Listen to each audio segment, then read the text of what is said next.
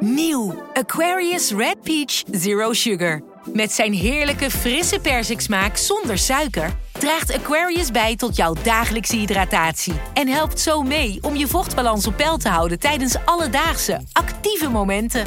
Thuis, op het werk of onderweg. Ook verkrijgbaar in smaken lemon en orange. Probeer hem nu. Bij een juridisch conflict kun je het gevoel krijgen dat je in een rollercoaster bent beland. Je wereld staat op zijn kop en je bent de controle even helemaal kwijt. Dan is het fijn als je bent verzekerd bij ARAG. Daar werken topjuristen en advocaten die je begrijpen. Die een stap extra voor je zetten. En je het gevoel van controle teruggeven. Met kennis en informatie, met heldere uitleg en met gericht advies. ARAG, juridisch probleemoplossers.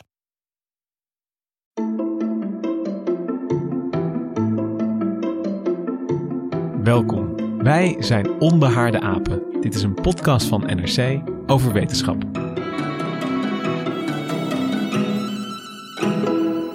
But why, some say, the moon? Why choose this as our goal? And they may well ask, why climb the highest mountain? Why, 35 years ago, fly the Atlantic? Why does Rice play Texas? We choose to go to the moon. We choose to go to the moon. We choose to go to the moon in this decade and do the other things. Not because they are easy, but because they are hard. Dit, dit is enerverend. Ja, het is wel een enorme reis in de tijd. We gaan naar de maan. Morgen is het volle maan, hè? Als, als ik dit, dit hoor, krijg ik zin om de ruimte te- in te gaan. Gaan we het vandaag over wervende praatjes hebben? Nee, we gaan het hebben over eh, wat je eigenlijk nodig hebt om naar Mars te gaan. En dat is een hele andere tijd dan in de tijd van Kennedy, 1962. Want, want dat is de man die we nu hoorden. ja, dat was eh, JF Kennedy, natuurlijk eh, zeker eh, nu een van de meest charismatische figuren. Een ontzettende beroemde Amerikaanse president, later vermoord. Maar, maar ik, wat ik opvallend vind is als ik Trump over de ruimte hoor praten, vind ik het een beetje vies en een beetje opportunistisch. We have reinvigorated our space program to a level that nobody thought possible in this short period of time. NASA is back. NASA is back.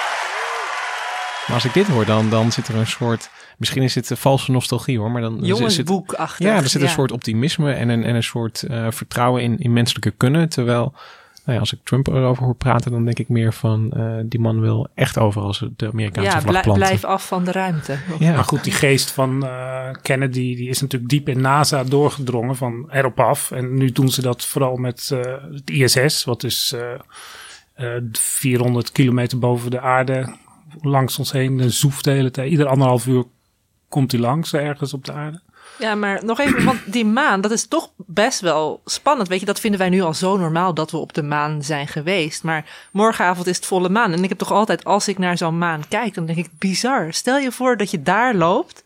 En nu gaat het over nog veel verder. Jij zegt nu zo even achterloos, ja, eh, reis naar Mars. Maar Nee, want de, de, ik, ik ga dadelijk vertellen eh, dat het eigenlijk een, eh, echt een totale stap in het onbekende is. En dan niet alleen het, technische, dat is dan nog een heel ander verhaal, maar ook het psychologische.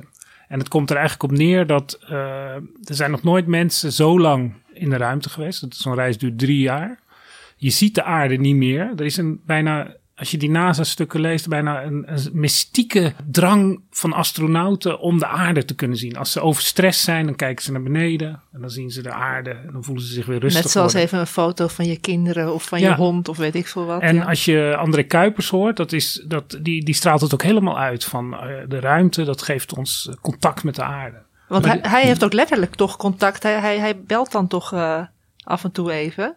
Vanuit nou, hij is een half jaar in de ruimte geweest. Ja, maar ik bedoel, contact eh, vanuit Ja, de je ISS kan heel is makkelijk. Ja, makkelijk. want dat is dan het, derde punt. Dat je dus, eh, als je halverwege bent, dan, dan duurt het 10 minuten voordat het contact met de aarde is gelegd. Als je met iemand praat en je bent op Mars, dan duurt het 40 minuten voor je antwoord krijgt.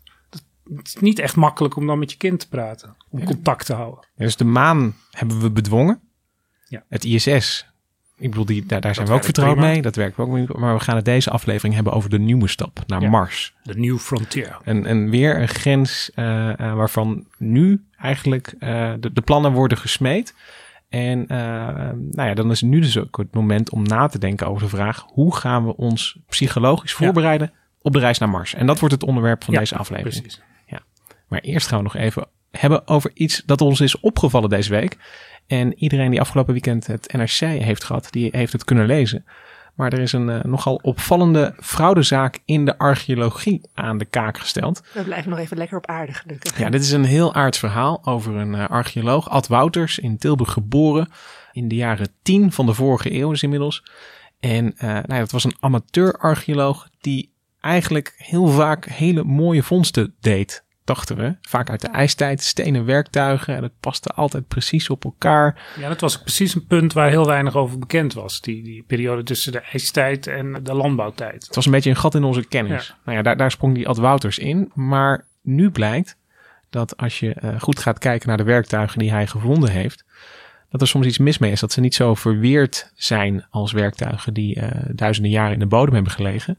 En eh, Theo Toebos heeft dat eh, mooi opgeschreven afgelopen weekend. Ik was nogal verbaasd met hoeveel omvattend de fraude misschien is. Ik bedoel, werktuig vervalst, namen van mede-opgravers verzonnen, vindplaatsen bedacht.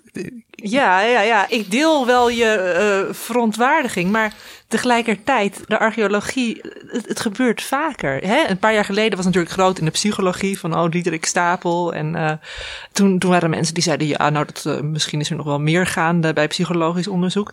Maar ook in de archeologie is dit niet de eerste keer dat het gebeurt. Want je had Tjerk Vermaning, De gasmaaier slijper uit Drenthe. de grasmaaierslijper. En was Schadensliep. Of, eh, oh ja, dat? nou, Dat was een bekende fraudezaak uit de jaren 70 de geloof jaren ik. 60. In de Ja. jaren 70 is dat tot uiting gekomen met ook zelfs processen. En een enorme splijting in de archeologie, want eh, ja, er was enorme ruzie. Maar het saillant is dat eh, Wouters en Vermaning elkaar gekend hebben. En dat, dat Wouters ook eh, ter verdediging van Vermaning is opgetreden toen in die rechtszaak, uh, beschreef Theo Toebos. Nou ja, het, het, is, het, het komt inderdaad vaker voor. En het is natuurlijk ook wel de cowboy-tijd van de archeologie misschien. Hè, dat er nog niet zo heel veel professioneel uh, aan universiteiten onderzoek naar gedaan wordt. Maar de vraag die nu voor ons ligt, wat moeten we doen met al die werktuigen? Ik heb begrepen, dat het er duizenden zijn. Ja, die zijn nu onbetrouwbaar natuurlijk. Ja. Dus kun, je Ja. bijna niet meer opvoeren in een eh, onderzoek. maar het is niet echt een heel eervol klusje om dat allemaal te gaan rechtzetten. Ja, dat is een beetje het probleem van uh, ga je je kostbare tijd nou verdoen met het rechtzetten van uh, dat soort fouten of ga Nou ja. je je eigen onderzoek? De kwestie is er zitten ook goede, echte vondsten bij. Als de man alles wat hij had gedaan fout was, dan was het klaar. Weet je, overal waar zijn naam bij staat, dat is niet goed. Maar dat is niet zo. Niemand weet hoeveel van die vondsten. Dus dan ga je echte vondsten, misschien de doorslag kunnen geven in een bepaald onderzoek, ga je wegzetten als vervals. En dat is, dat is het dilemma. Klinkt als een projectje voor masterstudenten, denk Ja, ik. Dat, maar er uh, zat- er hier zijn honderd uh, Nou, wie nog een leuke, leuke klus zoekt om op af te studeren, ja. Maar jij, jij nam er net psychologie en zo bij. Dus zeg maar het grote wetenschappelijke uh, fraudegeheel. En dat vond ik hier in dat stuk van Theo Toebos uh, ook erg interessant. Dat je ziet, het was eigenlijk wel bekend. Hij had er zelf al iets over gezegd. Dat sommige dingen misschien niet helemaal klopten. En het was dus wel bekend dat er iets mee was. En sommige archeologen in dat stuk die reageerden ook van ja... Maar dat gebruiken we ook helemaal niet meer. Dat, uh, dat spul wat er in die musea ligt. Dat, of dat nou was omdat ze het niet vertrouwden of dat ze het niet nodig hadden. Dus je ziet dan dat de wetenschap zelf vaak al vermoedt. Er is iets mee en een soort cordon eromheen zet. Maar ja, zoals ook in dat stuk van Theo stond. Over 50 jaar is iedereen die dat weet, die is er niet meer. En dan liggen die dingen nog steeds in het museum. En dan komt er misschien een nieuwe archeoloog die toevallig niet in die traditie staat. Dan moet je vanaf blijven. Ja, die maakt dan een fantastische theorie op vervalsingen. Maar ik vraag me wel af hoe vaak het gebeurt. Ik weet nog dat we bij, altijd bij eerstejaars geologieveldwerk in Spanje... was er ook altijd wel een docent die even voor de grap... Uh, een of ander mineraal dat daar helemaal niet thuis hoorde... verstopte in het landschap om dan te kijken of wij zouden zeggen... oeh, wat is hier voor een spannende diamant opeens uh, gevonden... Maar uh, ja, weet je, ik bedoel, misschien zijn er ook binnen de geologie wel echte fraudezaken. Er, ik bedoel, het, het, is natuurlijk niet alleen aan de archeologie. Ja, maar er is iets heel interessants aan de hand. Uh, als het vervalsingen belangrijk zijn, dan worden ze ontdekt. Als de vervalsing wordt gemaan in een stuk wat uh, nooit geciteerd wordt, in een artikel, hè, wat niemand meer leest, wat totaal onbekend is, dan komt het niet uit. Het is een soort zelfreinigend vermogen zit, eigenlijk. Ja, dat duurt soms heel lang. Ja. Maar, en je kunt dus door nu die vervalsingen te onderzoeken natuurlijk een hoop ellende in de toekomst voorkomen. Ja, dat heb je ook in de paleontologie, dat ze vroeger allemaal dachten van, oh, we hebben de skeletten van de eerste mensen uh, gevonden. En dat bleek dan een of ander, uh, reptiel te zijn. Ik denk dat Diederik Stapel ook tegen de lamp liep, omdat hij uiteindelijk in Science verscheen en mensen echt heel goed naar zijn publicaties uh, gingen kijken. Nou ja, tijd is voor die masterstudenten om aan de slag te gaan, zou ik zeggen, met dat, uh, met dat spul. Wat misschien een beetje buiten het bereik van masterstudenten ligt, is uh, Mars. Alhoewel, de Marsreizigers van de toekomst, die zitten misschien nu op school, Hendrik. Hoe zit dat precies? Wat zijn ja, de als je plannen? De plannen van de NASA, die dus uh, eind vorig jaar nog eens een keer uh, uitvoerig zijn vastgelegd door uh, president Trump, is zo in het midden van de jaren 2030, dus dat is binnen 20 jaar, moeten er Amerikaanse astronauten, en het zal ongetwijfeld een internationale samenwerking worden, in een baan om Mars zijn gekomen. Of ze gaan landen, is dan nog de vraag. Maar okay. over 12 jaar ben ik 44, dus ik zou ook nog wel mee kunnen. Ja, maar ik, ik heb begrepen dat het.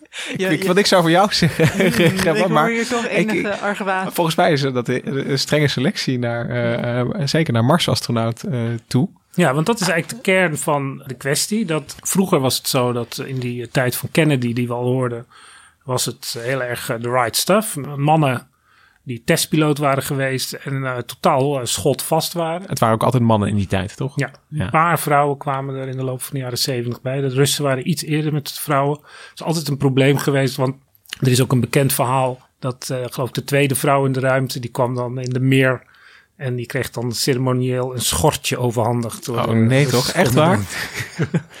As Helen Sharman's Soyuz spacecraft docked with the Mir station last Monday, it was the realization of a dream that started more than two years ago.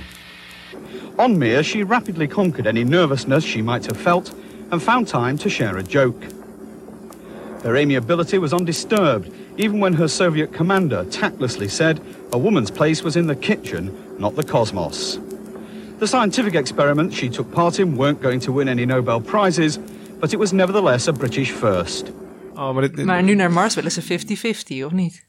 Een van de conclusies uit het onderzoek over de psychologie van dat groepsproces van de individuen die naar Mars uh, moeten gaan, is dat uh, diversiteit is ontzettend belangrijk. Maar ook, uh, ik bedoel, willen ze niet ook gewoon dat die mensen zich gaan voortplanten? Ik bedoel, als je een hele kolonie op Mars gaat stichten, nee, dan denk ik niet totaal niet aan, dat is nee, totaal niet aan de orde. Kijk, want eerste als je nu die plannen ziet, dan is SpaceX die wil dus van Elon Musk, die zegt dat hij in 2024, dus dat is over zes jaar, al een soort kolonie daar wil gaan vestigen. Ja, dat gaat natuurlijk nooit dat gebeuren. gaat nooit lukken. Nee.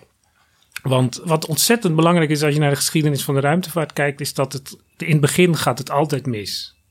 Dus alle nieuwe raketten, Soyuz, Apollo, de Saturnus-raket, die leiden altijd tot dodelijke ongelukken. Maar dan moet je toch, dat, dan is de enige vereiste dat je eigenlijk gek moet zijn om naar Mars te gaan. Dat is, dat is denk ik de functie. Nee, je moet, heel veel, je moet heel veel experimenteren. En dus niet gelijk als je raket het één keer gedaan heeft, er mensen opzetten en dan naar Mars sturen.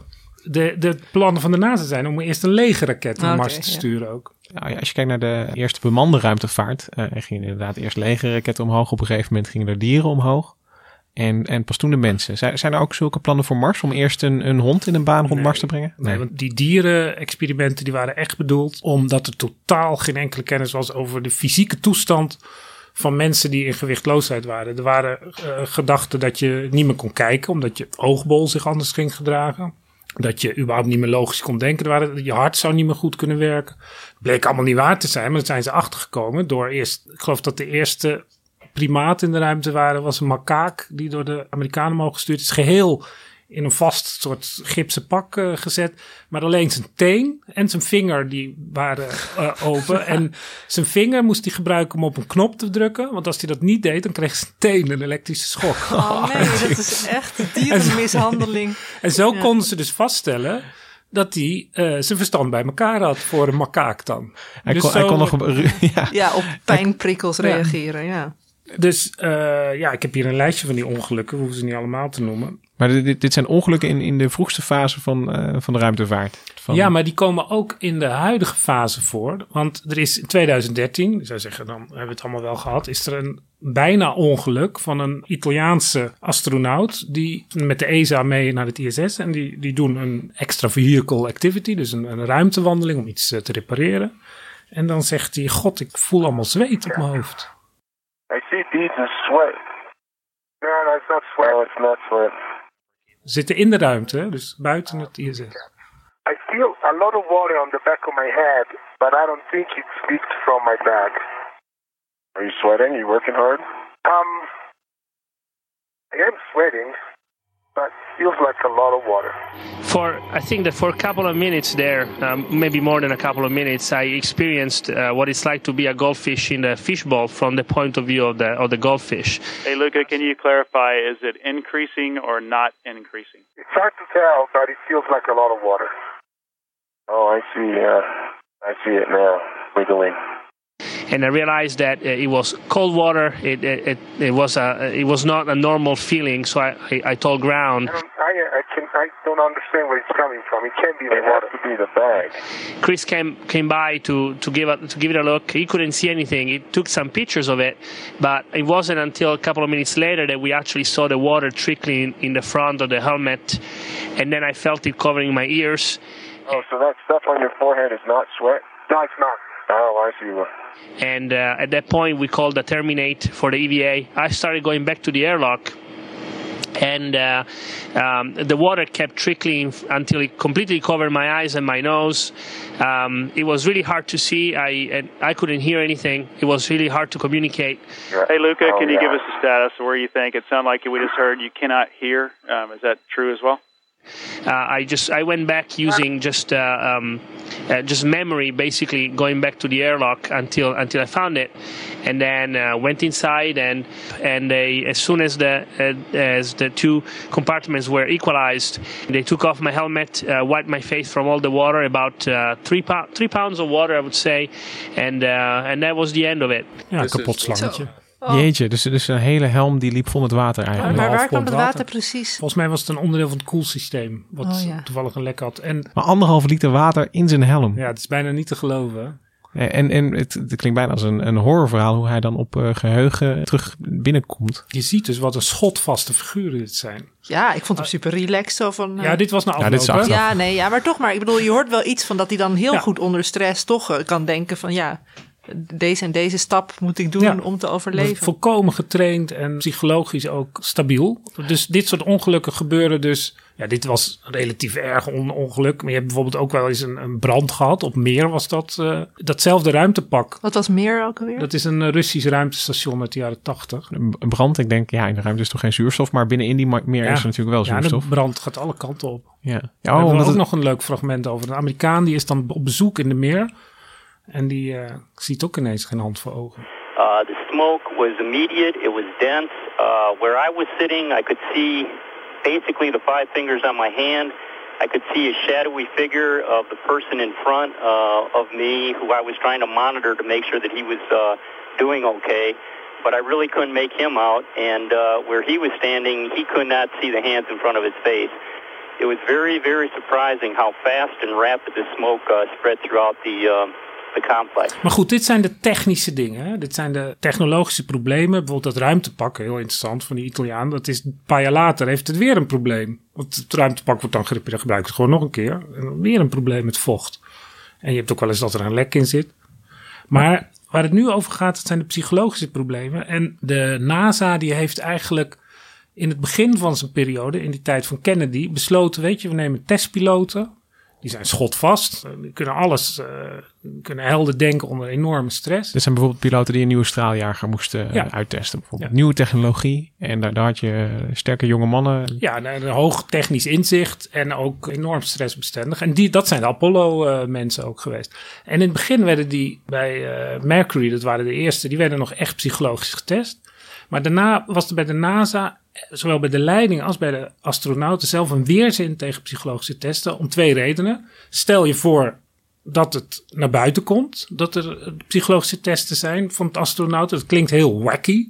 Het zijn toch allemaal Amerikaanse nationalisten. Het, was echt, waren helden. Die hoef je niet te testen. Ook niet als ze eenmaal zijn binnengekomen, al helemaal niet. Dus er werden geen testen gedaan. En op een gegeven moment werden astronauten zelfs aangenomen. Er werd natuurlijk wel psychologisch naar gekeken, naar een achtergrond. Maar die, er werden niet een hele batterij van testen waar je nu naar, nog naar zou kunnen kijken, naar die uitslagen. Nee, er werd gewoon een gesprek tussen twee of drie psychiaters en psychologen achter een bank. En er werd dan gewoon gesproken. En dan, zeiden ze, eh, nou, dat kan Jij wel. bent oké. ja. Maar dat vind ik wel Interessant fascinerend. bijeffect. Want de, de, de eh, psyche wordt hier als iets zwaks. eh, nou ja, de- al het feit dat je het onderzoekt wordt al als een soort zwakte Ja, dat was die sfeer. En interessant bijeffect was dat 40% van de vrouwen die eh solliciteerden, werden afgewezen. Maar ik vind het wel bizar hoor, want tegenwoordig is toch juist hè, iedereen... eh, Je wordt bij elke sollicitatie krijg je Ja. tegenwoordig een psychologische Ja, test. Krijg je een vragenlijst met Maar de, 100... eh, eh, er was dus een soort, bijna een soort samenzwering. Dit waren helden.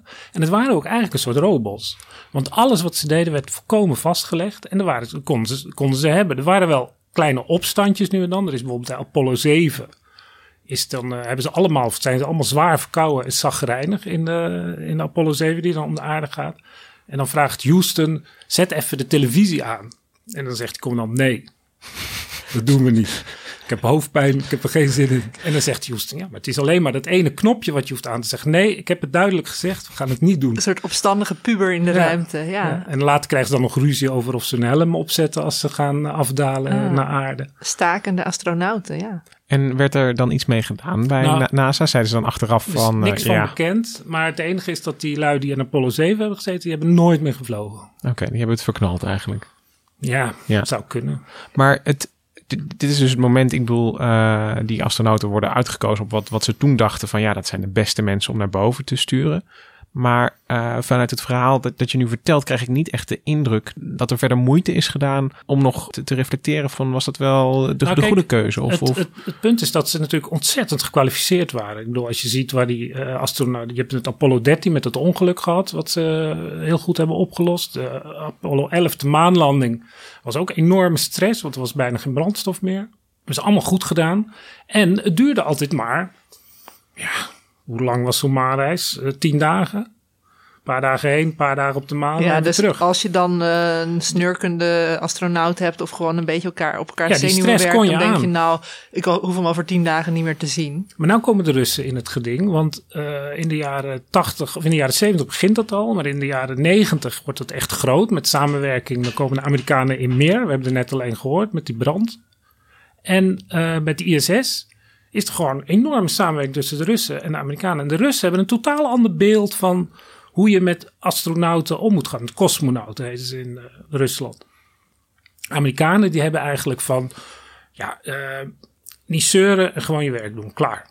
En de stress en het drankgebruik en al die dingen werden allemaal bedekt. Er werd gewoon niet naar gekeken, werd genegeerd, niks meer aan doen. Die Russen die hadden veel meer het gevoel van, ja, die stress, die verveling, die depressie, die hoort erbij. En Die dat hadden, flessen Ameri- wodka, ja. dat hadden de Amerikanen ook. Want bijvoorbeeld Gene hoe heet die, Cernan, die de laatste man op de maan, die zegt: eh, als, ik, als ik het geweten had, had ik kruiswoordpuzzels meegenomen op die reis naar eh, de maan. Dat duurt gewoon best lang en je hebt eigenlijk weinig te doen. En die Russen die hebben dus een heel programma om, om boeken te lezen. Om het, altijd twee dagen vrij na vijf dagen werk. Er zijn een aantal van die, maar het is, het, het, van die aandachtsdingen om te voorkomen dat ze overspannen worden. dat is fascinerend, want het zegt iets over het, het mensbeeld bijna van eh, die twee nazistaten. Aan de ene kant de Sovjets en aan de andere kant de Amerikanen die eh, mensen omhoog sturen. Ja, maar dan vind ik de Russen wel menselijker. Dat Veel ze- menselijker. Want ze Maar- zeggen van in de ruimte duurt alles twee keer zo lang. En er moet heel veel contact met familie zijn. Met bekende mensen ook. Dat is natuurlijk ook leuk als ineens Ja. eh, een bekende Rus eh, je opbelt van... Hé hey, eh, Vladimir, hoe gaat het? En dan heb je de hele dag iets om naar uit te kijken en om Ja. Over te praten. Schoten die Amerikanen zichzelf daarmee een beetje in de voet? Dat ze hun astronauten zo op een voetstuk hadden gezet. Dat ze ook bijna... Ja, maar de- in de jaren negentig zie je dan een wending. En er is een heel leuk, of nou, het is helemaal niet zo leuk, maar er is een, een incident. Dan blijkt ineens een eh astronaut die uit net terug is op aarde, wraak te willen. Houston, we have a problem. That's the word from a Florida court, which just minutes ago granted bail to NASA fly girl Lisa Nowak. Nowak was charged with attempted first degree murder after a bizarre 900 mile trek that ended in the parking lot of an Orlando airport. Police in Orlando say it's all about a high flying love triangle. They say Nowak, a Navy captain who flew for the first time on the shuttle Discovery in July, drove 900 miles from Houston to Orlando to confront Colleen Shipman at the airport. Authorities say both women were romantically linked to astronaut Bill O'Flynn, the pilot on the last shuttle mission in December. It was a fairly elaborate plan, and we believe that uh, she was probably going to try to kidnap the victim and, uh, you know, possibly do uh, serious bodily harm. Ik, ik, ik, ik vond het een in- intrigerend fragment, maar er was een, een, een een liefdesprobleem. Ja, het motief doet er eigenlijk niet eens zoveel toe. Maar er is een feit dat een astronaut van de NASA, nog steeds in dienst, daarna vrij snel eh, ontslagen natuurlijk. Die ging op een soort wraakoefening en ze had een, een hamer bij zich, duct tape om iemand vast te zetten, een mes.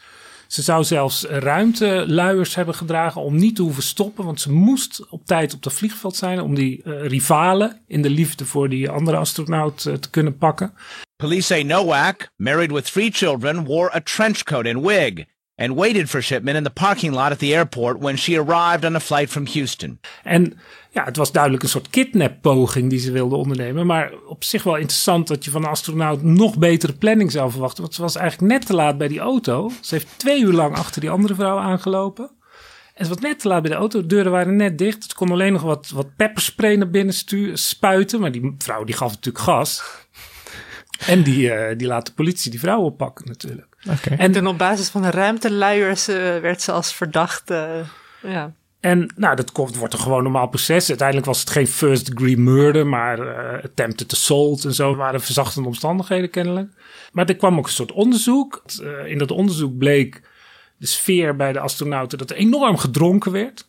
Als voordat ze gingen vliegen, moesten ze dan ook weer doen. En ja, het is niet zo dat toen de aandacht voor de psychologie in 2006 begon. Maar dit was nog extra. Dat was al nee, tien jaar eerder eigenlijk. Ja, maar, maar je kunt dus eigenlijk zeggen van... Het zijn uh, mensen. Het, het, het zijn mensen en, en dit illustreert dat uh, je, je komt er niet omheen om ze ook als mensen te behandelen. En aandacht te hebben voor hun specifieke behoeftes en, en, uh, ja. ja, en, en eigenaardigheden. Emoties, ja. Ik bedoel, woede, jaloezie, angst, En als verdriet. zoiets op het ISS gebeurt, dan kan je er nog vastbinden. Je zet er in de Soyuz en ze is een anderhalf uur terug op aarde.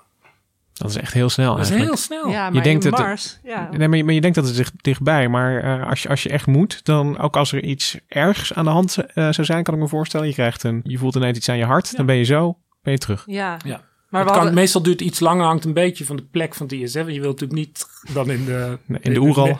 In de, ja, daar eigenlijk wel. Maar oh. niet in de... Niet in de Pacific eindigen oh, natuurlijk. ja. Dus, maar we hadden het net over die diversiteit aan boord. Maar geheid dat er op zo'n lange reis natuurlijk ook allemaal liefdesverwikkelingen ontstaan. Ik bedoel, als iets uh, goed is voor uh, de lust, dan is het wel verveling. Ja, op een uh, lange reis is natuurlijk nog steeds niet zoveel ervaring mee. Omdat je wordt bij het ISS behoorlijk gecontroleerd. De Russen hebben ook wel eens gevraagd of ze een sekspop mee mochten nemen naar boven. Maar toen zei uh, de leiding in Moskou, die zei ja, dat kan wel, maar dan moeten we het officieel onderdeel van het dagprogramma maken. En daar had het nou ook niet zoveel zin in. Dan wist iedereen wat je ging doen als je tien minuten ja, dat precies. ene kamertje inging. Uh, dus daar is, en, maar de, in interviews zeggen die astronauten ook, weet je, seks is eigenlijk het is zo'n intense druk waar je onder staat, dat seks niet het belangrijkste Nee, maar goed, we hadden het net juist over die verveling tijdens die lange reis. En als je mannen en vrouwen, ik bedoel, denk aan Temptation Island. Ik denk toch dat er op een. ik denk dat de selectieprocedure van Temptation Island en van de NASA wel een beetje van nou elkaar ja. verschillen. Maar goed, het, het, het, het, is ook een optie natuurlijk. Maar ja. jij moet dan ook weer zorgen dat er geen uh, jaloezie is. Maar als je nu even kijkt naar de ervaring die we dan. Uh, ik, ik bedoel, bemande ruimtevaart, daar zijn we nu 40 jaar, 50 jaar mee bezig met z'n ja. allen. Wat zijn de lessen die daaruit uh, getrokken zijn als het gaat om, uh, ook al is Mars een buitencategorie, maar wat zijn de lessen daarvan als het gaat om, om de menselijke geest en ja. hoe, hoe, je die gezond houdt in de ruimte? Nou, dat zijn de lessen uit vooral ISS, maar ook allerlei experimenten waarin uh, in een, een, soort laboratorium onder water worden dan ook astronauten moeten daar zien te overleven, krijgen ze opdrachten. But of course, we're not just down here to, to watch the fish. At the moment, as I speak, we've got two of our guys, Steve and Kimia. who are outside on the asteroid surface and they're trying out their jetpacks today. So it's a great day today for the NEMO mission. Dat bestaat hebt... echt nu ergens een ja, laboratorium. Ja, maar dat is nooit langer dan een paar weken. Een paar en, weken onder water. Ja, vind ik toch wel wat. Ja, absoluut. En je hebt ook uh, Mars 500 gehad. Dat was in, uh, in Moskou. Er waren zes astronauten, drie Russen, twee Europeanen en een, uh, en een Japanner volgens mij, die daar 500 dagen zaten. En dus ook een gesimuleerde Marsreis hadden. Dus het contact met, met de aarde, dat waren natuurlijk gewoon de Russen aan de andere kant van de muur. Die werd vertraagd en steeds trager vergeleken, net als dat het op een Marsreis gaat. En ze moesten ook landen op Mars. En dan moesten drie van de mannen moesten apart. En daar zijn allerlei lessen uitgetrokken. En dat belang, ik kan er wel een paar opzommen. Bijvoorbeeld uit die Mars 500 bleek dat het ontzettend belangrijk, dat wisten de Russen natuurlijk al lang dat je, je moet leuke dingen hebben. Je moet dus verjaardagen, uh, nationale feestdagen, Kerstmis. alles vieren. Ja. En dan ook echt aangekleed vieren, zodat je ook iets hebt om naar uit te kijken. En dat je misschien een soort gevoel hebt, toch een soort tijdsgevoel, dat niet elke ja. dag het, het, het, weer hetzelfde is. Nou, ik heb hier een aantal conclusies, want ik heb enorm veel van die stukken doorzitten. Het meeste is vrij logisch. Weet je? Ja, maar goed. Een gebalanceerde psychologie. Dus je moet precies zijn, maar je moet niet obsessief precies zijn. En je moet onafhankelijk van anderen kunnen werken, maar je moet niet anderen negeren. En ik heb hier wat dingen opgeschreven. De, de beste crewmembers, members, dat zijn mensen wat, die, die het prettig vinden om alleen te werken, maar ook teamplayers zijn. En wat ook. Het klinkt als de ultieme sollicitatie Ja. van we zoeken een Ja. eh, zelfstandige, teamgerichte speler. En ze hebben wel eens Ultieme gekeken wat, collega, ja, wat nu de leiderschapsdingen van eh, ISS-commanders zijn. Dus die mensen die dat eh, Space Station commanderen. Ja, die zijn technisch. Dat staat natuurlijk sowieso boven buiten pijl. Die mensen kunnen heel veel. Dus de knowledge is heel groot. Dat geldt voor alle astronauten. Maar ze moeten ook self-control hebben. Dat is heel belangrijk. En ze moeten ook geïnteresseerd zijn. Dat geldt vooral voor die commanders. In de stabiliteit en de harmonie en het welzijn van hun mensen. Dus het Dit is het wensenlijstje voor mijn ideale partner, hoor ik hier. En ze houden van uitdaging en, en verandering. Dus het is niet zo dat ze houden van stabiliteit, maar verandering is leuk. Ja, maar verandering is er weinig, in ieder geval in gezelschap. Ja, maar daar kan je dus voor zorgen. Kan je dus bijvoorbeeld. Verkleedspelletjes. ja, maar ook de diversiteit. Als je alleen maar testpiloten hebt, op een gegeven moment zijn die uitgepraat over hun dingen. Maar als je mensen met totaal verschillende achtergrond, verschillende culturen. In dat Mars 500 werd enorm geprezen dat je dus. Iedereen die had andere ervaringen met eten. Die vonden dit lekker, die vond dat lekker. En er dan werd eindeloos over eindeloos over praten. discussiëren. Een clubje aan boord. Je kunt dan geïnteresseerd raken in de cultuur van de ander. En die heeft dan ook iets te vertellen. Maar het, het, het is, eh, als je dan kijkt naar die hele organisatie waar ze eerst psychologie doodswegen, min of meer, Ja. ben je dus nu naar een, een situatie waarin er eh, al die dingen die je net opnoemde, dat is bijna uitsluitend eh, psychologie en karakter waar naar gekeken wordt. Ik Mhm. bedoel, die, die technische kennis moet je nog steeds Ja, dat hebben. maar, dat, maar dat is een given, weet je wel. Dat, dat is eh, natuurlijk heb je dat. Ik heb een heel rapport van de NASA gelezen. Dat ging over resilience, eh, weerstandsvermogen. dat je dus na een, een te- als het tegenvalt weer overeind kunt komen. En dat is iets waar de Russen altijd mee bezig zijn geweest. Maar nu gaat het dus de NASA enorm over coping styles. Hoe ga je om met problemen? Wat is een resilient manier om met problemen op te gaan? Zodat je... Vroeger gaven die astronauten, die mochten geen kick geven. Was- Als, als je problemen had, hield je je mond maar. En nu weten ze gewoon, het gaat met toppen en dalen. Ja, dus je moet ook ergens een boksbal en wat eh zakdoekjes. Ja, maar als, Ja, maar als, als er kunt nu dus- iemand chagrijnig eh, eh, is en chagrijnige antwoorden naar de aarde stuurt, eh, weliswaar vertraagd, maar ik bedoel, zo, zo iemand is nu niet per se definitief afgeschreven. Nu Nee. wordt er eerder gedacht van oké, laat het maar even. Nou, er kan, er kan bijvoorbeeld, eh, dat is ook weer zo'n zo'n open deur. Dat het beste is, dat blijkt ook uit onderzoek bij eh onze zeebootbemanningen, want daar kijken ze dan ook weer naar natuurlijk. Dat hoe, hoe meer verschillende copingstyles je hebt, hoe beter het is. Er is één copingstyle, die is, ik heb hier een lijstje namelijk, die is echt slecht, dat is confrontation. Dus je moet nooit, als je een probleem hebt, gelijk de schuld bij de ander gaan zoeken. Want dan, dan gaat het echt helemaal mis. Ik, zie, ik, ik zie een situatie voor me voor van, dat, dat iemand zegt van ja, ik vind het echt heel vervelend hoe je smakt. En dat iemand anders dan zegt, ja, maar jij ruimt nooit je sokken op. Weet je, Ja. Dit is dan confrontatie. Dat je dus in een Ja, soort precies. beschuldigende sfeer.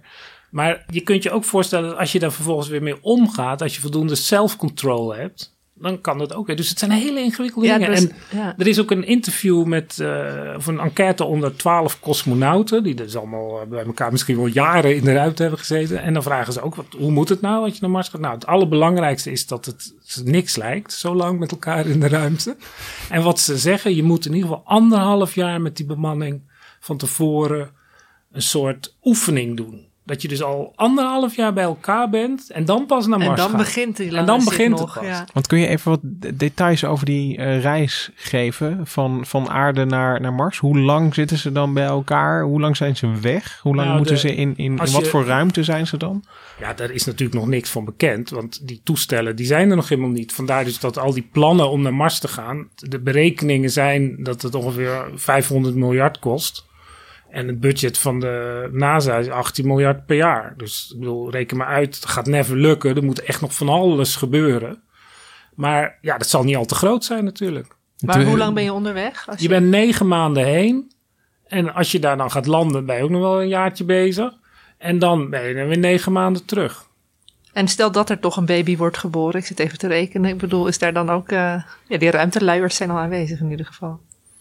Nou, dat lijkt me echt het allerslechtste. Het lijkt echt een nachtmerrie dit. Want er blijkt trouwens ook uit onderzoek, uit onderzoek, Temptation Island. uit onderzoek bij muizen dat de groei van de vrucht in, eh, bij zoogdieren volkomen misgaat zonder eh, zwaartekracht. Ik, ik vraag me af of het embryo überhaupt kan Ja. innestelen als het... eh, daar eh, Dat is wel weer zoiets, interessant ja. onderzoek. Maar nog, ja, want ik vind het wel leuk, want jij zei net over die diversiteit. Ze zeggen toch altijd, eh, weet ik veel, dat je ook in een relatie iemand moet zoeken die op je lijkt. Want als je te veel verschilt, dan snap je elkaar gewoon niet. Maar hier wordt dus juist het belang van verschillende copingstijlen benadrukt. Gemma, het gaat om de balans. Oh ja. Niet te veel anders, maar ook niet te weinig. Dit is het relatieadvies van de NASA eigenlijk. Eigenlijk wat, wel, ja. wat we nu horen. Ja, dus zoveel mogelijk copingstyles. Je moet houden van stabiliteit en van verandering. Maar het, het, het klinkt ook een, een, een beetje Aristoteles, toch? Ze zijn gewoon met z'n allen een beetje mindful daar. maar wat bedoel je dan? Dat- Dat, dat, dat alles, alles met mate. Ja, natuurlijk. Maar het, het, je moet dus wel eh, van extreme dingen houden. Anders ga je dat natuurlijk niet doen. Ook weer de balans. Maar je moet dus zeg maar een en soort... Een, Je moet maar naar Mar- Mars willen, maar niet te graag. Ja. Ik heb dadelijk nog een heel, ik heb dadelijk nog een sollicitatielijstje. Oh ja, dan maar ik wil nog één ding zeggen, want dat is namelijk het, het andere eh, belangrijke. Dat er dus eh, op die reis moet je dus de, eh, moet je de strijd voeren tegen al die dingen die je bedreigt. De angst, eh, de eenzaamheid. En er moet dus een heel goed programma voor zijn. En daar zijn ze dus natuurlijk nu aan het werken met al die experimenten. En wat heel belangrijk is, is dat natuurlijk die mensen die dat doen, die, dat blijkt ook uit alle onderzoeken bij eh, mensen die dit soort dingen hebben meegemaakt, of dat nou op Antarctica is of met TSS. Het is een hele verrijkende ervaring. De mensen die, die vertellen, dat hoor je ook bij andere Kuipers, dat het zo'n positieve ervaring is om de ruimte te zien, om, om, om te zijn waar nog nooit iemand is geweest. En dat geeft ook een enorme samenhang, die je natuurlijk, als je met z'n allen in een hutje op de Hawaii gaat zitten, daar heb je ook zo'n experiment op een oude vulkaan, ook in the middle of nowhere. Daar moet je dan ook een jaar zitten, of een paar maanden. Ja, daar heb je niet dat gevoel dat de hele wereld. Nee, en- daar ben je men- heen gestuurd omdat het moest. Ja. En, en dan ben je niet... eh, Nou, omdat Maar je ervoor opgegeven Toch ook Ja. dan kan wel, wat ik me herinner van mijn bootreizen, was dat je dan ook die saamhorigheid voelt, omdat je samen toch iets meemaakt, een verbindende ervaring. En maar, zal, maar als je weet dat het een trainingssessie is en dat je een jaar lang bij elkaar moet zitten, om, omdat je dat nu eenmaal moet doorstaan, Ja, dan, kan ik me voorstellen dat het een ander gevoel geeft dan dat je als je het echt op zo'n echt, echt ja, op zo'n boot maar- zit, op een, om, en er dingen gedaan moeten eh, worden en of echt in, een- in een ruimteschip zit en echt eh, voor het eerst eh, aan de achterkant van de maan eh, voorbij Er, vliegt. er is een podcast over, eh, dat gaat in dit geval over eh, Hawaii. The Habitation heet dat. The Habitat. Habitat. I'm standing on the side of a giant volcano in a remote part of Hawaii. It's cold. It's actually really cold. And all I can see is rock. And uh, the only thing I can see other than rock is this dome. This dome is the habitat. It's a life sized model of the thing astronauts could live in on Mars when we finally get there. It's white, it's about the size of a two car garage, and it is the site of a really crazy experiment. The experiment is called High Seas. It stands for Hawaii Space Exploration Analog and Simulation, and it was set up to help NASA test equipment for Mars. But the equipment being tested here isn't the rockets or the spacesuits. It's not even the habitat I'm standing in front of. High Seas was designed to test a far more critical piece of equipment humans. Het is trouwens nu gestopt, het experiment, omdat er iemand een elektrische schok heeft gekregen.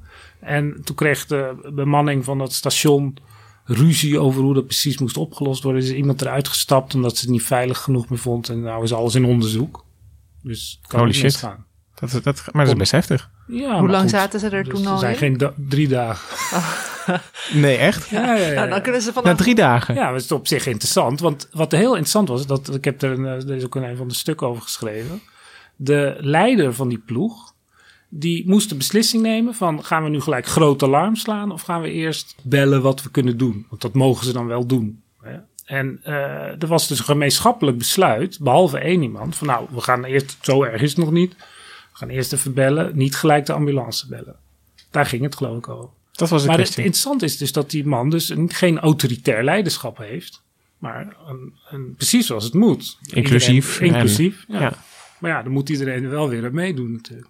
Als dit op de reis naar Mars was gebeurd, dan had je natuurlijk had die vrouw er niet uit kunnen stappen en dan was het misschien weer goed gekomen. Maar na drie dagen hadden ze nog wel kunnen omkeren ook. Nee. Nee. Nee? Ook. Als je Nee, moet eenmaal je- bent, heb je de Martian niet gezien? Eenmaal op weg Oh, is ga ik eenmaal toch op weg. kijken. Ja, Nee, want, want, want je wordt gelanceerd met een soort zwaartekrachtsberekening berekening en je Oh gaat ja, en je aankomen bent- op, op waar je naartoe Ja. gestuurd bent. Dus heimwee, alles. Nou, dat is ook wel lekker rustgevend dat je gewoon niet meer kunt kiezen. Je, je moet gewoon. Maar ik heb, ik heb nog wel een vraag, want we hebben het net de hele tijd over woede, jaloezie, verveling gehad. Maar hoe zit het met positieve emoties? Kijk eens ook of iemand een goed gevoel voor humor heeft. Ja, absoluut. Ja. En het moet dan ook weer niet te veel zijn. Ik heb hier een, een eh, fragment uit eh, de podcast Star Talk. Waarin eh, gesproken wordt over hoe het gaat op het ISS. En hoe dan het contact met Groundbase is. En dan vertelt een van die Capcoms, die mensen die het contact onderhoudt met de astronauten. Die vertelt wat voor grap er ooit is, is uitgehaald. Een van de eerdere grap was dat er een keer een astronaut in een gorillapak ineens in beeld kwam. Hoe ze dat naar boven hebben gesmokkeld. Nou ja, dat was nog grappig. En nu hadden ze twee astronauten een heel ander soort grap bedacht. All right. Uh, any, is there any other famous prank beside the gorilla that comes to the gorilla suit that comes to mind? Uh, the one that Sonny and Mike LA played on us back in Expedition 14. That one was terrible. What'd they do? What happened? We come back from a, a, a scheduled loss of signal. We reacquire video on site, inside the space station. And I think it was Sonny was doing compressions on Mike LA as if he had had a heart attack. and the flight director, Ginger, nearly had a heart attack. And so that was not funny. That was absolutely not funny. Uh, yeah, we're laughing, but no, that wasn't funny, was it, May? Never again. Oh, not funny. Even voor de duidelijkheid, het ging hier om een gefakte hartaanval. Ja, ja, was eh, lachen man. Het zei mijn moeder Jeetje. vroeger altijd al dat ik nooit net mocht doen alsof ik viel. Want als ik dan een keer echt zou vallen, zou niemand het meer geloven. Nou, ik, ik, ik mocht niet doen alsof ik dood was. Ik andere practical Ja, jokes. denk het meteen wel heel- ja, jij was niet zo stabiel als kind. Je was vast niet zo geschikt voor die Marsreis. Maar stel je bent commandant Ja. van het ISS. Dit gebeurt buiten jou om. Wat doe je?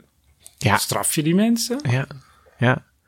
Maar ik, ik snap nu wel waarom je zegt dat zelfs die humorkwestie is dus eh een precair. Want je wil misschien wel iemand die leuke woordgrappen maakt.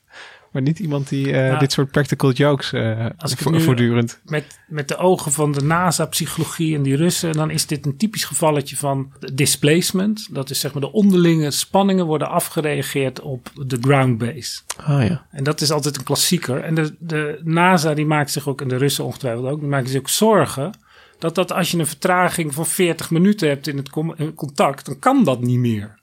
Dan kun je geen... Je kunt niet meer de schuld, je kunt niet meer je afreageren op die sukkels beneden. Oh, Want, dus, ja, dus, het is niet zo lekker ruzie als je steeds Nee. 40 Nee. minuten moet wachten op een antwoord. of, of dat ze in je grap tuinen. Weet je, dat, dat is na 40 minuten. Ja, ik, ik kan me toch wel. Nou goed. ik, ik begin ineens te denken van wat zou een goede grap eh, zijn om dan inderdaad over 40 minuten dan pas de uitvoering eh, ervan te merken. Ja, dat is niet zo leuk meer natuurlijk. Nee. En ik denk dat dat de commandant hier heeft gezegd niet meer doen. Ja, want, want hier gaat natuurlijk wel van, je kunt die mensen niet, kijk, op aarde kun je even boos weglopen. En, eh, maar ja, hier moet je toch weer met elkaar verder. Ik bedoel, ground control en, eh, eh, en de mensen in de lucht. Ik bedoel, na, na die grap moet het toch weer je business hoort- as ja, usual zijn. Ground control moet ook stabiel zijn. Dat ze Ja. niet zo zeggen, nou bekijk het ook maar. We gaan Ja, ja. jullie gewoon helemaal Dat niet wordt meer ook onderzocht. houden. Want Ja. voor ground control ook een enorme stress. Ja. Dit soort, stel dat je dus contact met die, met die lui op, op weg naar Mars. Het, is een hele spannend. Als je die, die documentaires over die Marswagentjes, wat robots zijn. Hoe emotioneel die mensen die dat ding besturen hier al worden. Laat staan als er echte mensen zijn. Maar is het eh, nog even over zo'n medisch noodgeval? Ik bedoel, daar moet natuurlijk ook worden, over worden nagedacht. Ik bedoel, iedereen die naar boven gaat, die moet toch eh, in ieder geval basis EHBO eh, hebben Ja, er zal ook wel een dokter meegaan. Ja. Totdat die dan doodgaat natuurlijk. Ja, zo, de, dokter gaat altijd het eerst dood in science fiction wel. films.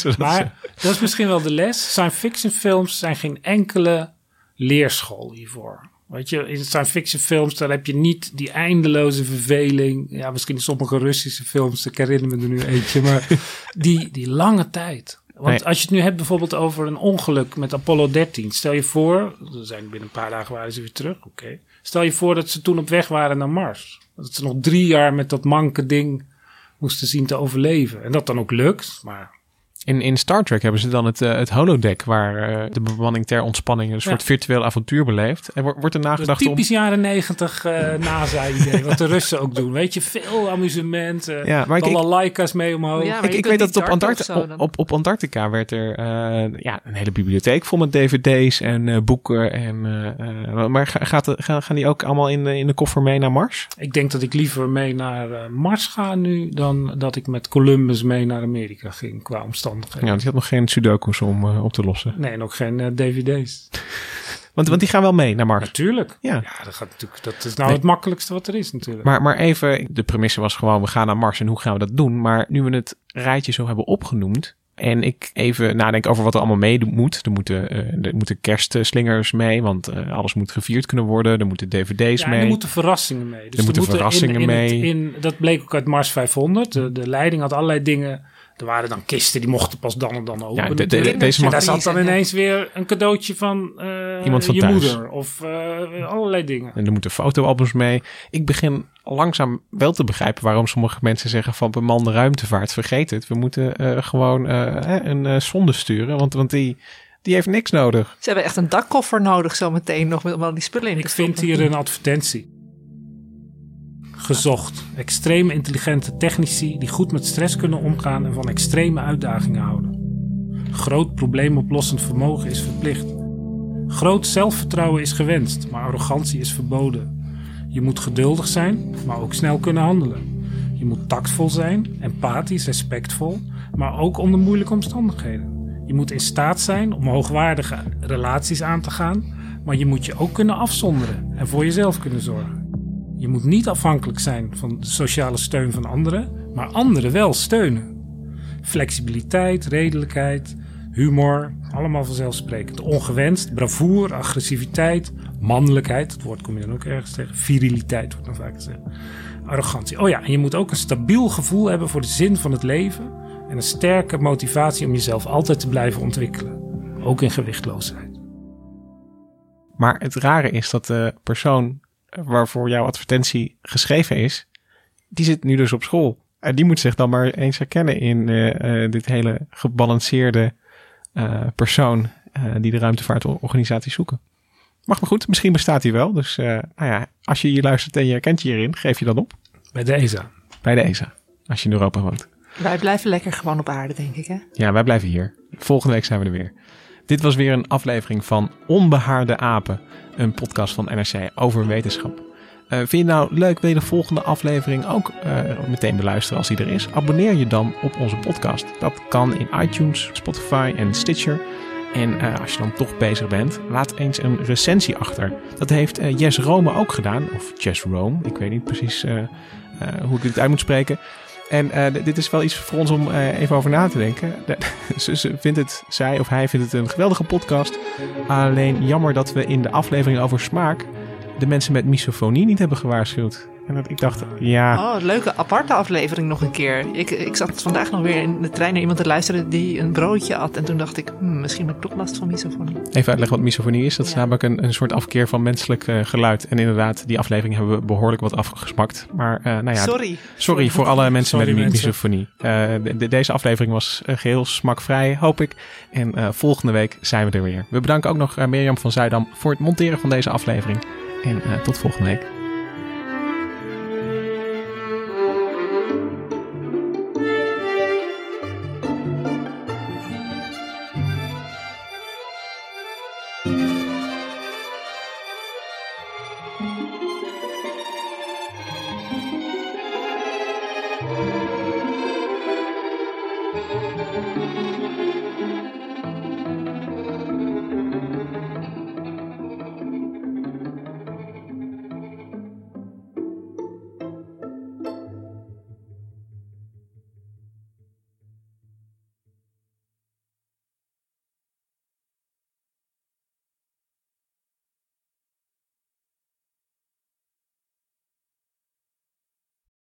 De financiële markten zijn veranderd, maar de toekomst, die staat vast.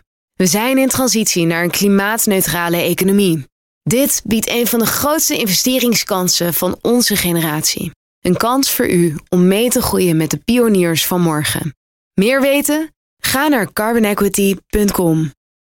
Carbon Equity. Do good by investing better.